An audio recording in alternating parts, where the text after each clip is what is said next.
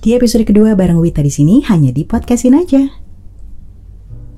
Kalau kemarin kita udah bahas coronavirus, mulai dari desinfektan sampai dengan cara mencuci tangan ya, dengan hand sanitizer di episode kedua ini, aku akan membahas mulai dari imbus.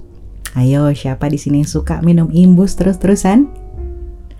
Ada saran nih untuk minum imbus selama 10 hari, jangan putus tiap bulan, jeda terus, lanjutkan bulan depan.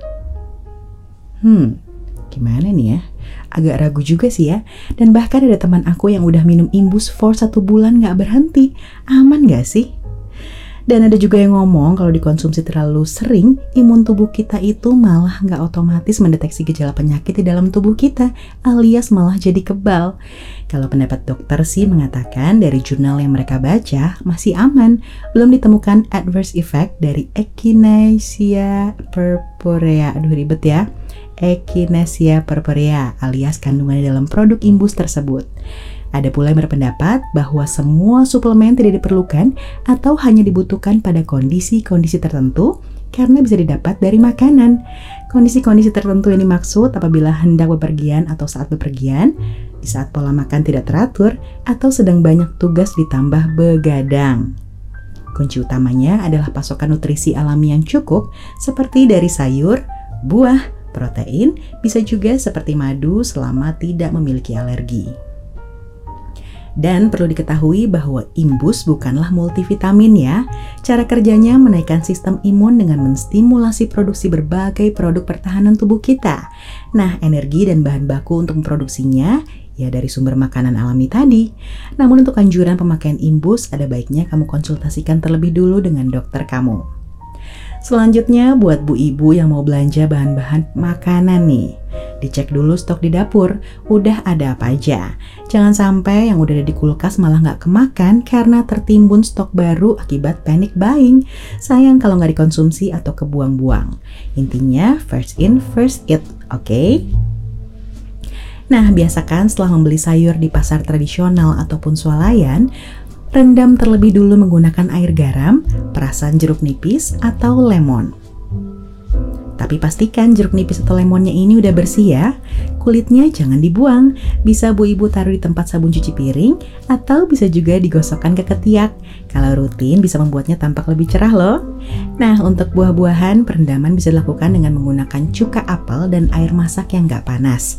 Atau juga dengan air aqua. Overall menggunakan air garam sudah dikatakan cukup sih. Baru terakhir cuci lagi menggunakan air mengalir. Jika mau disimpan, keringkan bahan-bahan tersebut memakai lap kain katun bersih hingga dipastikan benar-benar kering, seperti tomat, wortel, kentang, dan yang lainnya.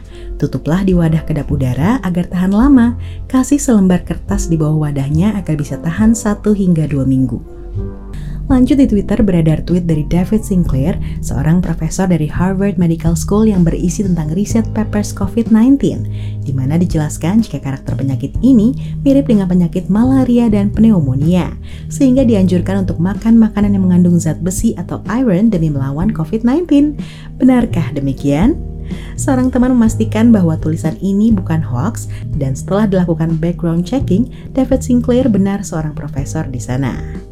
Makanan alami mengandung zat besi di antaranya hati sapi atau ayam, daging merah tanpa lemak seperti daging sapi, kambing, dan domba, seafood macam kerang, tuna, salmon, dan udang, kacang-kacangan seperti kacang merah, kacang putih, kacang kedelai atau kacang hitam, sayuran hijau macam bayam, brokoli, dan kangkung, tahu, daging ayam, kuning telur hingga buah kering semacam kismis dan kurma.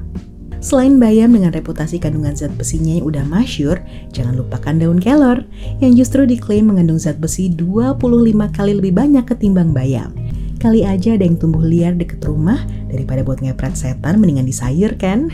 Buat yang mau nanam kelor, teman aku siap menyuplai biji kelor asli dari tanah timur. Nanamnya gampang, tabur di pasir depan rumah, asal kena air dia tumbuh kok. The good news is, si kelor ini cepat banget numbuh daun, jadi lumayan kan bisa swasembada sayuran hijau? Lalu daunnya rada tua, bagus untuk dijadikan teh. Nah, buat yang pengen bibitnya gratis, bisa japri via email atau DM aku aja ya guys. Ngomong-ngomong zat besi, Indomie juga ternyata mengandung zat besi loh guys. Pantas aja kemarin pada borong Indomie. Akhirnya terpecahkan juga ya misteri 32 tahun mengapa warung Burjo jualan Indomie. Emang deh Indomie seleraku. Oh ya, jangan lupa kalau masak-masak sendiri bawang putihnya dibanyakin ya. Terlebih belakangan beredar informasi bahwa bawang bombay semakin langka dan harganya kayak mau naik haji. Di pasar induk aja harga bawang bombay sentuh 120 ribu per kilogram. Gak beda jauh dengan di swalayan seperti Super Indo misalnya, harganya tuh 192 ribu per kilogram. Hingga cerita dari orang yang makan di Yoshinoya katanya dapat bombay cuma seiprit. Miris kan? Tapi syukur ada yang beli sebiji di warung yang tadinya dibanderol 15.000 udah turun dikit jadi 13.000. Berdasarkan informasi dari pedagang, katanya banyak bombay yang gak lolos di bea cukai. Jadi banyak yang ketahan. Ya nangis bombay deh. Tapi gak apa-apa lah karena bawang putih masih aman. Buat yang khawatir dengan orang tuanya, semisal nggak bisa berkunjung karena takut membawa virus, bisa meminta orang tuamu untuk tidak beraktivitas ke mana-mana dulu ya, terkecuali untuk suatu kegiatan yang bersifat mendesak. Aktivitas belanja groceries bisa kamu atau orang tuamu lakukan melalui order online, melalui Shopee, Tokped, atau marketplace lainnya.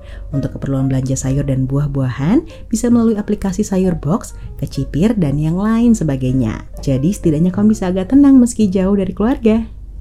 Satu lagi saran dari aku, buat kamu yang terpaksa harus bepergian dengan angkutan umum, terdengar dungu sih memang, tapi nggak ada salahnya nih kamu coba menggunakan sarung tangan karet demi terhindar dari virus macam apa pun di situasi seperti ini.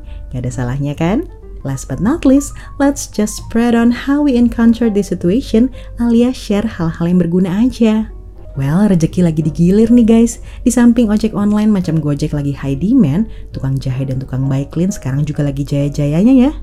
Ya udah, yang penting semua dikasih sehat dan kekuatan menghadapi pandemi yang sedang terjadi saat ini. Ah ya, informasi ini datangnya dari grup SMA aku. Thanks untuk segala informasi dan pendapat dari kalian yang bermanfaat tentunya buat aku, kamu, dan kita semua.